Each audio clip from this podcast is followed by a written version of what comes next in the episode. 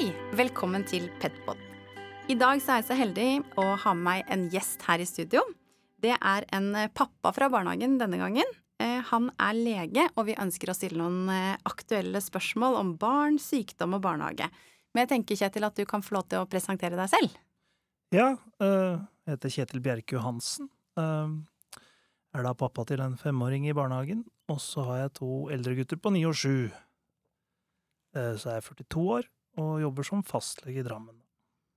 Mm. Spennende. Ja, Eh, Jeg tenker vi setter rett i gang, jeg. Ja. Greit for deg? Ja. Eh, jeg tenker jo sykdom, det er en het potet eh, i barnehagen. Eh, og vi ønsker å komme inn på litt temaer om barn, sykdom, og sett både fra fastlegens perspektiv og fra meg i barnehagen, i tillegg til at vi har foreldreperspektivet, da. Så vi har med oss mange forskjellige erfaringer inn i det her, da. Em, og jeg tenker jo at barnehagen er et godt sted å være for friske barn. Men for de syke barna så er barnehagen et slitsomt sted å være. Det syns godt når vi får barn som blir syke i løpet av dagen, eksempel. Eh, og da er jo hjemmet det beste. Sammen med mammaer eller pappaer, kombinert med ro, tenker jeg da. Og da er det fort gjort at vi kommer innom allmenntilstand, som jeg tenker er mest avgjørende for om barn skal være i barnehagen eller ikke. Har du lyst til å beskrive litt hva allmenntilstand er? Ja, det er jo egentlig ikke så komplisert det. Det er jo allmenntilstand, egentlig en beskrivelse av altså barnet eller pasienten. Mm. Eh, Så tar man gjerne utgangspunkt da i en frisk person, Ja. og så sier man at allmenntilstanden er god eller dårlig, eller er i ferd med å Nedsatt. bli dårligere, eller Mhm. ja.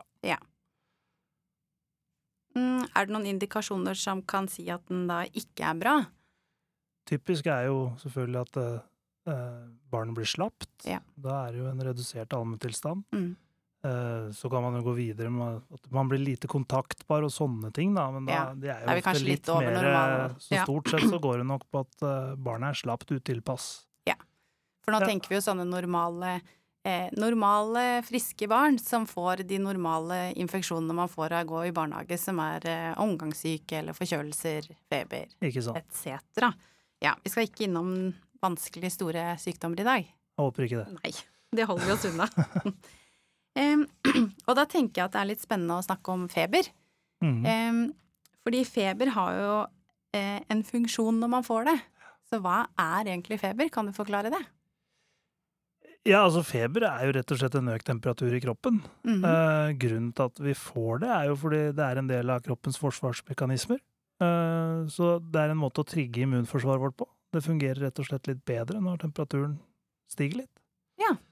Um, Så ikke helt dumt å få feber når man har en infeksjon. nei. Nei. Uh, nå er jo jeg mann, så jeg går jo inn i fosterstilling så fort jeg får 38. Men, uh, Det er i krise. ja, Ja. men uh, siden vi snakker en del om barn her i dag, så de tåler veldig mye feber. Mm. Og da kommer vi inn på allmenntilstanden igjen. Ja. Hvor allmenntilstanden til barnet er mye viktigere enn temperaturen de har. Ja. Uh, og veldig mange er litt sånn hissige på å gi febernedsettende, da, så fort barnet har feber, at de, de måler feber, og da gir man febernedsettende. Mm. Og det er egentlig mot sin hensikt, da. Ja. For det er kjekt å ha feberen der for å få disse enten virus eller bakteriene litt sånn ut av kroppen med at uh, immunforsvaret økes litt med Ja. høyere temperatur.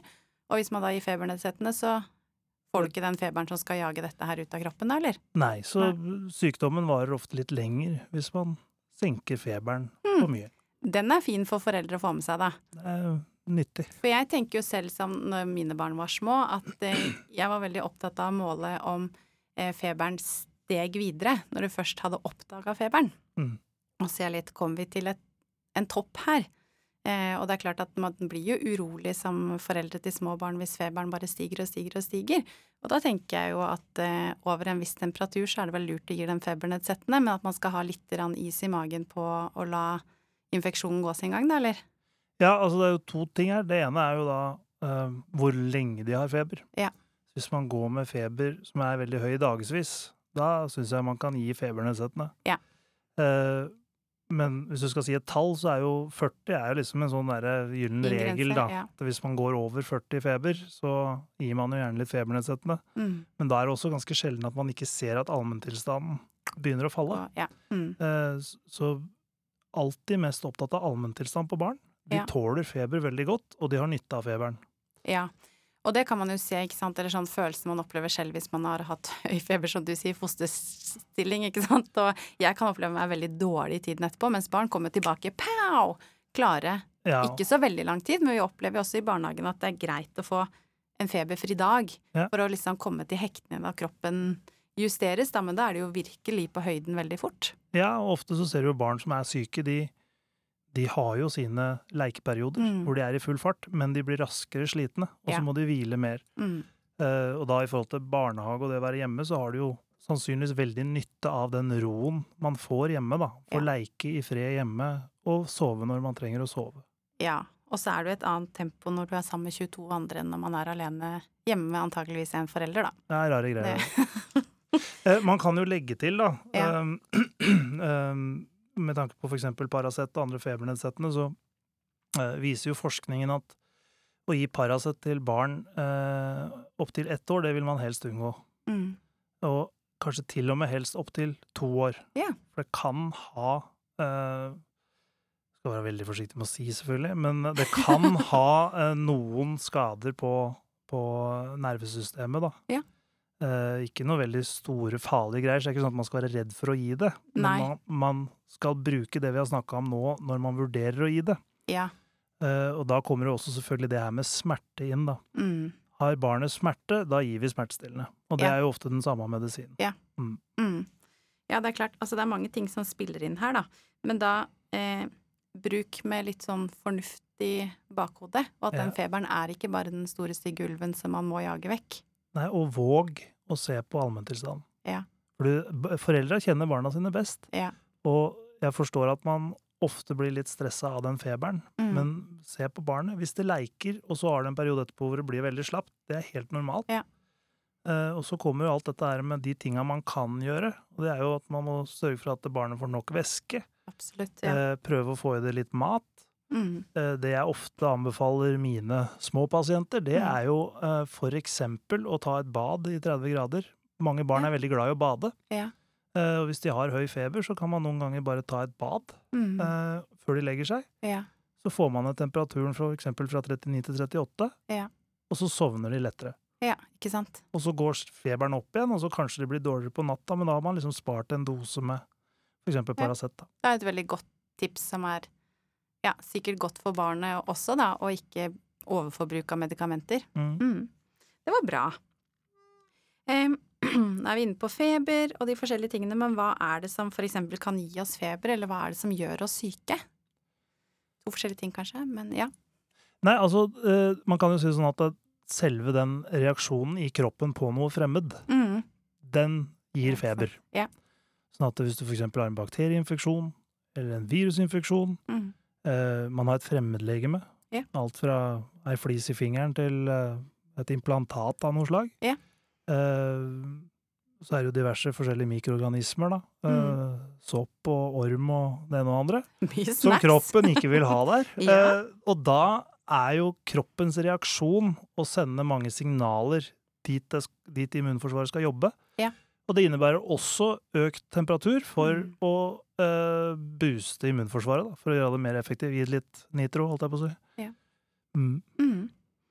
Um, men for eksempel, jeg, jeg er jo litt sånn for at barna selv skal kjenne på eh, Nå er vi på friske barn som er ute og leker i barnehagen, for eksempel. Da. Eh, jeg kan synes at det er kaldt, men jeg er mer stillestående enn et barn på fire-fem år i barnehagen som rekker å løpe mange runder, eller om vinteren når de aker, så er jo de mer aktive enn meg i de små kroppene sine som utforsker, da, hvis vi tar utgangspunkt i et aktivt barn Mm. eh, ute i frisk, vanlig luft. Eh, så tenker jeg at barna, i hvert fall de som eh, begynner å bli de eldste i barnehagen, kan få lov til å ytre selv litt ønsker for påkledning. Eh, er det farlig at barna får kjenne på det å fryse selv? Eh, eller at de kjenner at 'å, nå må jeg ta av meg jakka, jeg er varm'. Em, ja, om vi kan snakke litt om det, hva, hva er best? Å fryse eller bli for varm, eller Ja, skjønner du hvor jeg vil hen? Jeg tror det. Ja. jeg, jeg tror mye, mye av det går på eh, man Altså, barna har godt av å bli utfordra. Ja. Eh, og det gjelder det samme med både varme og kulde og det ene og det andre. Mm. Eh, så hvis man da snakker om norske vintre, Ja. så har ikke barn Det er ikke farlig for dem å bli utfordra med å kjenne på kulde. Nei. Det er ikke farlig for de å, å fryse. Nei. Eh, men der igjen går det jo på hvor lang tid. Mm. Eh, Ti minus, det er jo to vidt forskjellige ting om det blåser eller ikke. Ja, det er ikke den Eh, temperaturen som er så definerende. Ikke sant? Mm. Og så er det jo da selvfølgelig individuelle forskjeller på barn, og da noen blir raskere syke enn andre osv. Ja. Men at det kan ha en sammenheng med hvor mye de blei utfordra når de var mindre osv., det tror jeg nok. Ja. Og det har jo vært en del diskusjoner da rundt det her med uh, hvor mange grader kan barn være ute, og for Mm. er barnevogn, når, når Ja. man, kan man la den stå ute? Mm. Uh, og det som liksom forskning viser, da, det er jo at eh, så, altså hvis du har ei barnevogn hvor lufta får lov til å stå stille inni Mhm. der, at man eksempel dekker til litt, da, Mm. så er det jo sjelden noe fare for barnet å ligge oppi der. Mm. Eh, og for barn som er aktive, som produserer varme sjøl. Ja. Så jeg tror nok de har godt av å lære seg når de fryser og ikke. For det er det jeg tenker på, at vi ofte som voksne eh, kjenner selv at vi syns det er kaldt ute, men vi har ikke det samme aktivitetsnivået, og så forventer vi at barna skal trenge å ha på seg de samme klærne som oss, og det står jo ikke i stil til hverandre i forhold til aktiviteten. Eh, For det er jo ikke temperaturen, tenker jeg, som er så avgjørende, da. Eh, eller med luer og bøffer og det med ørebetennelse, ikke sant. Får man det av å gå uten lue når det er litt høstsurt, eller er det uheldigvis en bakterie eller virus, ikke sant. At hva gjør oss syke? Nei, det er jo litt uflaks. Uflaks? Eh, og så, så er det nok Altså, barn har godt av å bli litt sjuke. Ja. Det er sånn de trener opp immunforsvaret sitt. Ja. Det er liksom en, en evig treningsøkt, akkurat den biten der. Ja.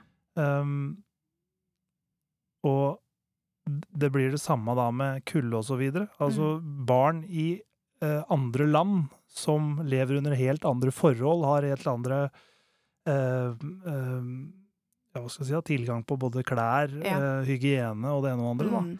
De har jo ikke noe mer denne type sykdom. Nei. Tvert imot. Ja. Ikke Så sant? Jeg tror det er viktig at barna utfordres, men det betyr jo ikke at du trenger å la dem fly nakne i ti minus. Nei, for det er jo, du skal ikke utsette dem for smerte og, og plaging og vondter med kulda, men det er jo på en måte den der naturlig få lov til å kjenne litt på også er det så kaldt at jeg trenger jakke, eller kan jeg gå uten den jakka i dag? Ja. For det er jo litt sånn Foreldre er jo redde for at barna skal bli syke, mens Ja. jeg tenker jo Det er jeg helt enig i at vi vil ikke ha for mye syke barn, Nei. men det å få lov til å teste seg sjøl, da. Jeg tror relativt få barn i Norge har for, for, for lite klær på seg, stort Ja. sett. Mm. Ja, for jeg var på eh, Svalbard her for en stund siden, og da snakket jeg med en som jobbet i barnehage der. Um, og så måtte jeg spørre, for jeg syntes jo dette var veldig interessant, for det er jo kalde vintre på Svalbard. Hva er det dere kler på barna her? Nei, det var tynn ull, og så tjukk ull. Det var sånn hjemmestrikka ull, gjerne, da. Eh, og så en vinterdress fra Reima, for eksempel. Og så tenker jeg sånn, oi, det er det vi kan kle på barn her fra nesten to minus, kanskje. Ja. Eh, så tenker jeg at eh, da tilpasser jo ikke helt forholdene, for at vi bor jo i bystrek, og det kan bli kaldt her, men det er jo på en måte litt grenser på hvor kaldt det blir, da. Eh, Så jeg tenker at vi kanskje er ikke, ikke hysteriske, men at Ja. Men tror- barn blir jo kanskje rusta òg, da, bedre. Hvis du er vant til kulda, så tåler du den bedre òg. Ja, det tror jeg nok, men, men jeg, jeg tror det er sjelden vi på denne sida av landet, holdt jeg på å si, Ja. beveger oss ut i noen særlig faresoner for hva barn tåler. Ja, I forhold til vær og vind. Ja. og frysing. Mm. Um, og så tenker jeg at man sikkert blir herdet av det miljøet man bor i, da. Utvilsomt. At det, man bygger opp en kroppen har en helt fenomenal evne til å tilpasse seg. Ja. Så den tilpa nevnte i stad, at immunforsvaret må utfordres. Ja. Eh, kroppen vår tilpasser seg de utfordringene vi gir. Mm, Altså, vi, vi er jo det mest tilpasningsdyktige arten som har vært her så langt, tenker jeg. Ja. Så får vi se, får vi se i framtida. Tilpasser vi rett og slett for mye? Er det det vi gjør? Ja, kanskje det. Eh, men jeg tenker, nå har vi vært innom immunforsvar eh, flere ganger. Vil du beskrive nå liksom kort hva immunforsvaret er? Ja, kort. Eh, det er Eller langt? Ja. kroppens eh, forsvar mot eh, fiender, rett og slett. Det Ja. er forsvaret vårt. Mm. Eh, man kan jo si den største barriera vi har, er huden. Ja. Så hvis man bare ser for seg den, Ja. eh, og hver gang det kommer et sår på den, Mm. så er det jo en inngangsport for en infeksjon. Ja. Når det er sagt, så vil jeg heller ikke si at man må ikke på med Pyresept med en gang man har et skrubbsår. Også. Nei. Det, går- det går bra, vi Ja. fikser det. Men, men um, immunforsvaret vårt er forsvaret mot, mot det vi kan kalle fiender, da. Mm. Mm. Kjekt å ha, med andre ord. Fryktelig kjekt. Ja. Går man, dårlig uten. kan man trene det? Vi, vi trener det hele tida, hver dag. Ja. Eh, selvfølgelig spennende nå eh, etter en lang pandemiperiode hvor vi ikke har fått trena så mye. Ja. Vi har jo vært eh, overvaska og Eller Hei sann, det blir feil å si, selvfølgelig. Eh, men vi har vært La oss ikke si det. Nei, vi har vært veldig hygieniske. Vi har vært veldig hygieniske, som også har fratatt oss eh, muligheten til å bli utfordra litt eh, i det normale immunforsvaret vårt. Det må være lov å si. Ja. Em, og det tenker jeg jo allerede tidlig i høst, så så vi jo hva det kunne gjøre, med veldig mye forkjølelse hos barn, og egentlig ganske høy feber over tid. Da, at barna var syke på en måte mye lenger enn en sånn vanlig høstforkjølelse som vi er vant til. Da. Mm. Eh, og vi har jo ikke hørt snakk om verken vannkopper eller lus på halvannet år, som man er vant til hvis man har barn i barnehage eller skole, så er jo det ofte sånn den meldingen om vannkoppene eller om lusen er ganske sånn normal, da. Eh, og alt dette her har jo vært borte, men også de normale forkjølelsene eller omgangssykene, da. Mm. Eh, vil det si at vi kan bli mer syke nå framover når vi har åpna opp igjen? Jeg forventer det. Du forventer det, Det ja? blir mer, og jeg, jeg ser jo det fra min jobb òg, at eh, Mm. spesielt det med at eh, enkle luftveisinfeksjoner de varer lenger Mm. nå enn eh, de gjorde før pandemien. Ja. Så til neste år så er vi enda bedre rusta igjen, da, eller? Når vi har gått gjennom det året? Da er vi i gang igjen, vet du. Ja. Um, men er det liksom forskjell på barns immunforsvar? Eh, Kan man være bare litt sånn uheldig og heldig i det genetiske lotteriet? Kan det starte allerede der, eller handler det om denne ammingen som man snakker mye om? Altså Ja, det er mange det- faktorer som kan spille inn Ja. på immunforsvar. Skal vi Det er, my er mye man får lyst til å svare på her. Ja. uh, ja, det er jo selvfølgelig forskjell. Det er jo arvelige forskjeller Mm. på uh, hvor godt utrusta man er, og så videre. Ja. Ehm, og så har man jo det som heter miljø, selvfølgelig. Mm. eh, som Vi er jo født med en boks, og så Mm. er det jo miljøet som på en måte kommer Der kommer jo treninga inn, da. Treninga. Mm. Og hvor mye man booster ting, og så videre. Og Hvor Ja. mye man blir utfordra. Mm. Um, jeg var på en um, forelesning med en barnelege som snakka om det her en gang. Ja. Og da uh, Jeg syns han sa det greit, og det var Når han starta, så spurte han hvor mange som hadde barn Ja. som brukte smokk. Ja. Da var det jo en del som rakk opp handa. Og så uh, spurte han ja, hvor, hvor mange er som vasker smokken når de mister den på bakken. Mm. Og så var det noen som rakk opp handa, og noen som ikke gjorde det. Og så sa han jeg må slutte med. Ja. Så sa han det beste du gjør med ungen din, det er å ta ham ut i skauen og la han krabbe på bakken Mm. blant jord og møkk Ja. og hår og alle mulige bær og planter og alt. Kanskje litt elgbæsj? Eh, Masse elgbæsj. Mhm. Gjerne smake litt. Ja. Eh, Det er beste måten å ruste det barnet for å tåle mest mulig. Mm. Og så nevnte han da, da, da nevnte han forskning som har blitt foregått på grensa mellom eh, Finland og Russland. Ja. Hvor på en måte eh, temperaturen, eh, eh, naturen videre, alt Mm. er det samme, men Finland anses jo som et i-land Mm. med sine ressurser, og Mm. Russland litt mer god gammel østblokk, da. Ja. Eh, og forekomsten av astmaallergi, mm. den er vesentlig lavere på russisk side. Ja, Ikke sant? Og eh, sett over hele verden så fant man jo at de stedene hvor barn har lavest forekomst av astmaallergi, og dette er jo relatert til immunforsvaret, det òg, Mm. Ja. det er jo der man sover i samme rom som kua, altså husdyra. Mm. Eh, vi snakker jo mye om. Mm. nøtteallergi i Norge. Ja. I Israel så er det nesten ikke nøtteallergi blant barna. Nei. Og der er det pussig nok et av de der De har sånn nærmest sånn nasjonalgreier de gir til barna sine. Ja. Som, som består uh, hovedsakelig av nøtter. Ja, ikke sant. Så alle barn får, får det. Ja. Um, og det, det Jeg vet ikke om det er vitenskap, akkurat det. Det er mer en Nei. observasjon, da. Ja da. Men allikevel så sier det litt om hvordan hvordan, Hvordan man tilpasser seg mm, etter hvor man er. Ikke sant? Ja. Og her i Norge så har vi kanskje blitt veldig på det der med Altså, man får jo kjøpt egne smukkevaskemaskiner. Altså, Ja. det er jo som sånne eggekokere eller noe sånt. Mm, ja. Ikke sant. Eh, skal ikke jeg le av det, selvfølgelig. Nei. Men, eh, Ikke jeg heller, da. men, men det, det er det er ikke farlig, da. Det er egentlig utgangspunktet. Det er veldig lite som er farlig, men heller kanskje bra for barna å bli utfordra med. Ikke sant? I hvert fall det der normale som vi lever i, hvor ting blir vaska egentlig er ganske hygienisk sånn i utgangspunktet, da. Ja. Det vi omgir oss med, så vil jo ikke være de skumle tingene man vil unngå, som man møter hvis smokken havner nedpå bakken. Ikke sant? Mm, ja. Men jeg syns det er litt spennende når du sier dette her med um, skog og skogbunn, at det er det som kan booste immunforsvaret til små barn best. Mm. Um, så tenker jeg jo at uh, det er jo sånn, i hvert fall eh, i en del barnehager så er det jo ganske økt sånn plastikkbruk, altså det plastikkdekket, da. Mm. Eh, jeg tenker jo at hvis det er der man vokser opp, og kanskje det er lekeplassen man foretrekker å gå til, så vil du jo på en måte ikke få simulert den delen av immunforsvaret, da. Nei, jeg har ikke noe forskning på akkurat det, Nei, så jeg, nei, jeg bare- det blir jo mer en eh, subjektiv mening. Men jeg, Ja. jeg syns jo det er vanskelig å Altså, nå løper alle barna rundt på kunstgressflater Mm. i fritida eh, med små gummikuler Ja. Som er med overalt. Mm. Eh, Overalt. Det er ganske naivt å tro at man ikke får i seg noe av det. Ja. Eh, det kan jo umulig være bra.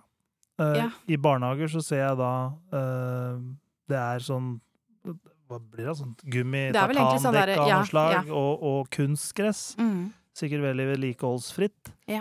Men å ikke lukte gresset Jeg kan ikke skjønne at det Nei, og jeg er tenker det å få lov til å grave litt i jorda, og kanskje til og med gå litt barbeint, altså få den derre hel, helhetsopplevelsen også av natur, da. Um, og så tenker jeg at vi er jo forskjellige som foreldre, vi kommer fra forskjellige oppvekster og kulturer alle sammen. Jeg tenker det er ikke alle som har en tradisjon for at vi tar på skoa på turskoa på søndag og går i skogen med barna. Nei. Og da tenker jeg jo også at barnehagen er en fin arena for å stimulere. Kanskje der foreldrene ikke gjør det selv, da. Det er ikke fordi at foreldrene ikke ønsker det, men det er fordi at man, man er forskjellig. Mm. Eh, og kanskje ikke alle vet hvor sunt det ville være å bare Og man trenger ikke å gå langt i skogen med ettåringen. Det holder jo egentlig bare å komme seg innenfor skogsgrensa, og så er du good to go. T- Turen er målet der. Ja. Ja. ja, nei, men det er spennende. Um, jeg tenker jo litt at uh, vi fort da kan havne litt på det med robuste barn. Mm. Det er jo et vidt tema, men uh, har du lyst til å si noe om liksom hva du tenker at barn tåler, eller liksom hvor godt rusta de egentlig er til å takle livet? Ja, det er jo eh, Der var jeg på en annen forelesning. Ja. hvor en sammenligna Ja. sammenligna barn med, med valper. Ja. Uh, så sa han at hvis, det er jo få som setter store grenser for valpene. Ja. Uh, mens de, de finner ut av det sjøl. Ja. Og det er ikke noen grunn til å tro at ikke menneskebarn egentlig har det biologisk i seg, at Mm. man utforsker grenser, Ja. men man, man eh, stopper når man ikke er trygg lenger. Og det, det er jo kanskje en tankevekker at hvis vi ser barnet eksempel klatre i et tre, klatre opp Mm. ei trapp, hva som helst, eh, så vil foreldrehjertet tenke at åh, nå er det fare, Mm. eh, og det er noen lamper som begynner å lyse og det ene og det andre. Det piper, og Ja, alarmen går. ikke sant? Ja. Eh, men ved å impulsivt reagere på den lampa, Mm. så tar man kanskje fra barnet muligheten til å finne sin egen grense. Ja. Og der er jo faktisk eh, forskning på at eh, Mm. hvis man eksempel lar barnet klatre Ja. Man kan jo kanskje stå der og følge med, men man lar barnet klatre, og man Mm. setter egentlig ikke noen grenser for det. Så ser man veldig ofte at eh, barnet klatrer lite grann, og så stopper det. Mm. For da er det ikke trygt lenger, og Nei. da er det helt naturlig for det barnet å kanskje snu og gå ned igjen. Mm. Og da har man jo kanskje utstyrt det barnet med en liten egenvarsellampe, Ja. som det kanskje velger å utfordre litt siden, når det føler seg mer trygt. Ja, Og det, altså det ser jo vi sånn i barnehagen fra de er helt små, hvor eh, risikolek, da, som vi kaller det i Mm. barnehagen, kan være å, å hoppe ned fra en kloss som er fire centimeter høy. Ja. Og du kan se at liksom hele kroppen forskyver seg skuldrene opp. Ikke sant? Nå skal jeg ta det derre megahoppet, og jeg står her og lurer. Eh, til vi har de med i skogen når de er fire, og de hopper fra kanskje sånn Sklir ned på sånne svabergs og to meter ned, ikke sant. Hvor vi Ja. har gjort en vurdering om det er OK underlag, for eksempel, da. Ja. Eh, men hvor vi snakker med barna om hvordan vi gjør det. Så jeg tenker at de har jo en sånn naturlig utforskertrang. Og så er man jo veldig forskjellig. Det blir jo eh, genetikken igjen som spiller inn om du er en som liker å ta risiko, Eller om du er en som er litt eh, forsiktig og, og liker å stå litt bakpå og se at andre kanskje klarer det før deg, før du tester det selv, da. Mm. Men jeg tenker jo at eh, det er veldig sjeldent at jeg ser barn som tar for stor risiko i forhold til egne evner. Ikke sant? At det er veldig sjeldent at det er noen som klatrer opp i treet og ikke kommer seg ned igjen selv. Med litt veiledning og litt hjelp og oppmuntring, så går det jo.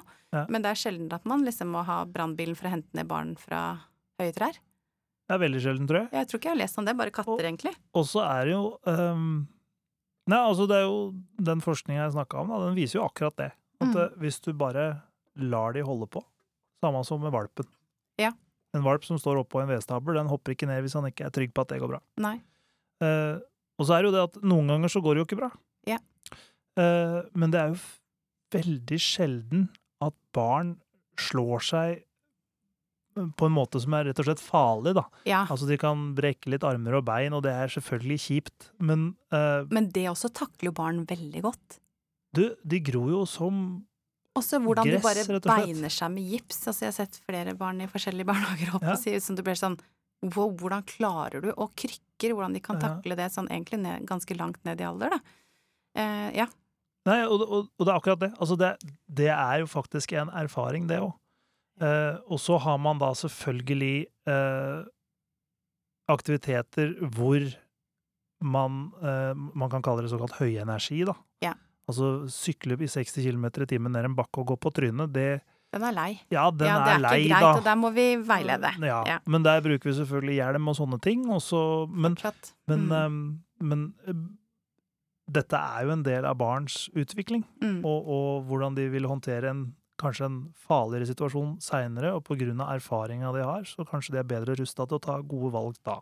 Ja, og det tenker jeg jo at det er fint at de kan bygge, på den erfar altså bygge erfaringer på den Mm. måten og utvikles, ikke at vi går og legger lokk verken i barnehagen eller hjemme eh, på den naturlige utforskertrangen som barn skal ha, da. Eh, og jeg syns det er litt morsomt det du sier med valper, for at det er jo noen, noen ganger hvis man ser sånn valpeklipp på TV, for eksempel, at det er en haug som bare ruller rundt og utfordrer hverandre, og det ser vi i barnehagen nå med boltreleken. Og det er jo heller ikke en lek vi på en måte skal stoppe for at de potensielt kan slå seg litt, for det er ikke veldig mye som skjer når du ruller rundt på gresset. Det er klart du kan få litt vondt, men det å lære seg sosiale koder også gjennom den boltreleken er jo ganske lurt, da, og jeg tenker man den derre sosiale at å ja, nå var det noen andre som fikk vondt for noe jeg gjorde, det er også en viktig læring, at ikke vi alltid går inn og begrenser det som er litt sånn fra utsiden litt skummelt, da. Ja. Jeg er jo selvfølgelig personlig veldig for eh, en barnehage som eh, som gjør som du beskriver nå. Ja. Eh, og så er det jo selvfølgelig alltid utfordringer i det samfunnet vi lever i, Mm. hvor, hvor det nærmest lages en illusjon om at livet er trygt. Mm. Og så er det veldig mange som blir litt overraska når det viser seg at det er jo ikke det. Nei. Det kan jo hjelpe meg å se ting hele tida. Mm. Ehm, og, jeg, og, og da må det være vanskelig å jobbe i barnehage òg, hvor Ja. for eksempel foreldres forventning til sikkerhet og sånne ting er forskjellig, da. Så det, det er selvfølgelig vanskelig å være bastant og si at sånn må det være, men Mm. eh, personlig så må jeg i hvert fall si at eh, nå har jeg tre gutter, da, og de, eh, de får lov til å holde på litt. Og jeg tenker jo eh, virkelig jo at det er bra for barna å få lov til å teste seg i ung alder, da. Eh, og teste grensene sine. Um, for jeg tenker jo kanskje at de aller fleste barna er født like robuste, sånn noenlunde, da, hvis man tar sånn en norm. Eh, så tenker jeg jo at hvis man får lov til å teste det ut da, så blir det jo gode, gode utgaver. Ja, og Ja. også naturen har jo igjen skapt barn på en måte som gjør at de tåler det utroligste. Mm. Altså, de er Alle beina er bløte. Det. Det bøyes. Det knekkes sjeldent. Ja. Og det, det tåler masse, og de slår seg, og de får sår, og det gror igjen på liksom et døgn eller to. Altså, det, Ja. det, er, jo fenomenale skapninger, det der. Ja, det er fascinerende. Ja, For de tåler mye mer enn oss. Jeg tenker Noen ganger så ser det jo ikke ut som det skal gå bra, og så bare får du en sånn der nesten overrotasjon og på vei til å få et fall, og så blir det en liten rull til siden, og så er du, bare løper du videre. Ja. Som jeg tenker at våre store, stive kropper ikke takler lenger, da. Vi skal ikke prøve det. Nei. De er bedre rusta enn oss. Eh, jeg vet ikke om det er noe annet du har lyst til å oppsummere med? Noe du tenker at vi har glemt å prate om? Oh.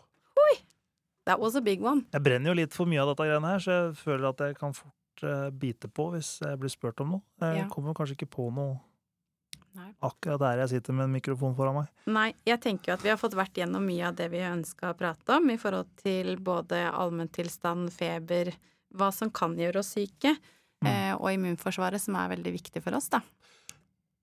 Apropos feber, Yes. så, så er det jo uh, dette her med å få tenner og sånn. Ja! Ja! Det Spennende. er en liten misforståelse, for det er mange som tror at man får feber av å få tenner. Nå er jeg spent. Men det er motsatt. Så når et barn har feber, så fremmer det at tenna kommer litt kjappere. De kommer fortere opp fordi at man har Ja. feber? Nei. Nei. Dette visste jeg ikke. Nei, Det var en er veldig bra fun fact på Ja, slutten. artig, nå, den der. nå ble jeg fornøyd. artig, den der. uh, men, men det er en uh, greie, for det er veldig mange som sier at ja, han får tenner, så derfor så har han feber. Men, Ja, men ja. det er ikke helt sånn. Det er mer at han får mer tenner, eller de vokser litt raskere ut fordi Feberen Ja. er på plass. Du, det var skikkelig spennende. Det var en veldig fin avslutning. Ja. Jeg er glad for at du kom på den på slutten. Ja, det, Men da sier jeg tusen takk for at du kom. Det var helt supert. Det kan hende at vi trekker deg med hit eh, flere ganger. Det var veldig hyggelig å få komme. Takk skal du ha. Ha det godt.